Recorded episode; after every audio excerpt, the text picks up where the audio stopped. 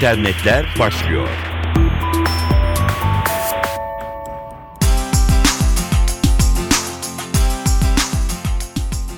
Dijital dünyanın gelişmeleriyle karşınızdayız. Ben Dilara Eldaş. Anonymous'la başlayacağız. Küresel siber korsanlık örgütü Anonymous, yazılım geliştiricisi ve aktivist Aaron Swartz'un ölümünün ardından Amerika Birleşik Devletleri hükümetine hedef alan eylemlerine devam ediyor. Anonymous, Amerikan Ceza Komisyonu'nun internet sitesini hackledi ve ele geçirilen bilgilerin sızdırılması tehdidinde bulundu.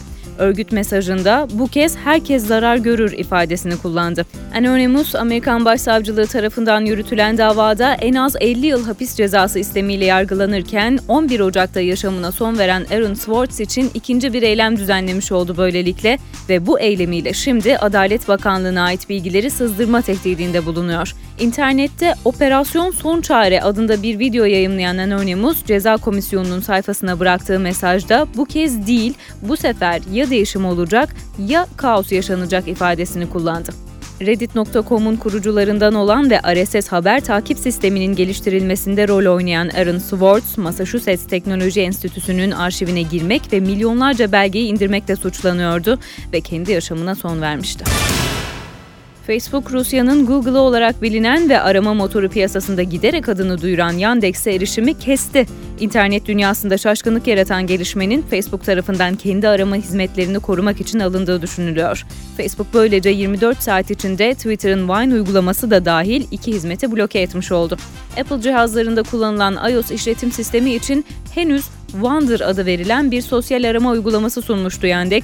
Facebook'tan beklenmedik tepki bununla iliştiriliyor. Yandex, Facebook'un iki hafta önce sunduğu grafik araması hizmetinin aksine Wonder'ın arama motorundan çok bir kişisel asistan olduğunu belirtiyor. Ancak boykot edilmekten kurtulamadı. Yandex'in Wonder'ı hafta sonu hayata geçirmesinin birkaç saat ardından Facebook tarafından bloke edildi. Facebook'un sahip olduğu veriyi kullanmak konusundaki hassasiyeti biliniyor. Yandex avukatları devreye girdi ancak Wonder'a erişildi erişimin kesilmesini engelleyemedi, Facebook kararını değiştirmedi.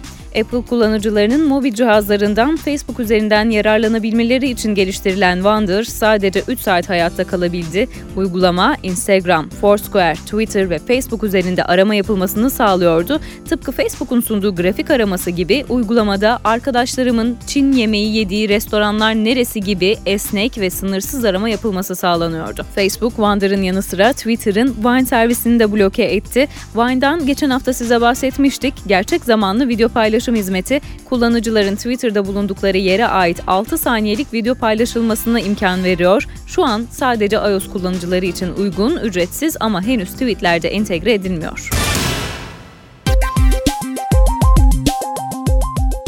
Sınırlarımız içinden bir haberle devam ediyoruz. Artık mecliste randevu almak daha kolay. Türkiye Büyük Millet Meclisi'nde ziyaretçiler için yeni bir randevu sistemi oluşturuldu. Sistem artık kısa mesaj servisiyle çalışıyor. Milletvekilinin randevuyu onaylayıp onaylamadığı ziyaretçinin cep telefonuna artık bir mesajla iletilecek. Yeni randevu sistemi Türkiye Büyük Millet Meclisi Genel Kurulu başlamadan bir saat önce aktif hale getiriliyor.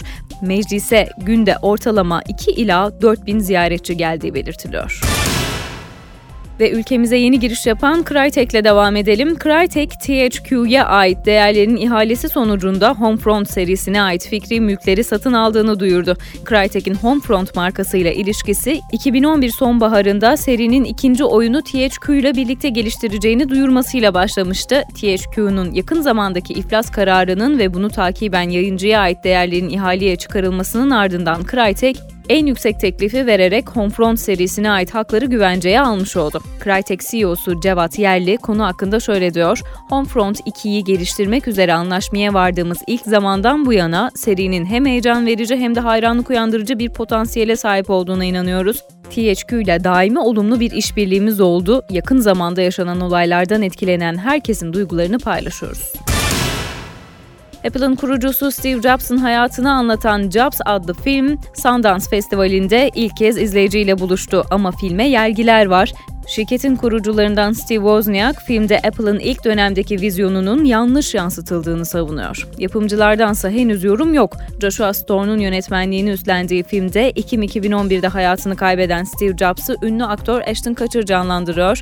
Sundance Film Festivali'ndeki premiere katılan Kutcher, Jobs'ı canlandırmayı ürkütücü olarak niteledi. 34 yaşındaki oyuncu rolünü iyi yapabilmek için Steve Jobs'ın konuşmalarının yüzlerce saatlik kayıtlarını dinlediğini anlattı. Böylelikle bültenimizi noktalıyoruz. Gelişmelerle güncellendiniz. Şimdilik hoşçakalın.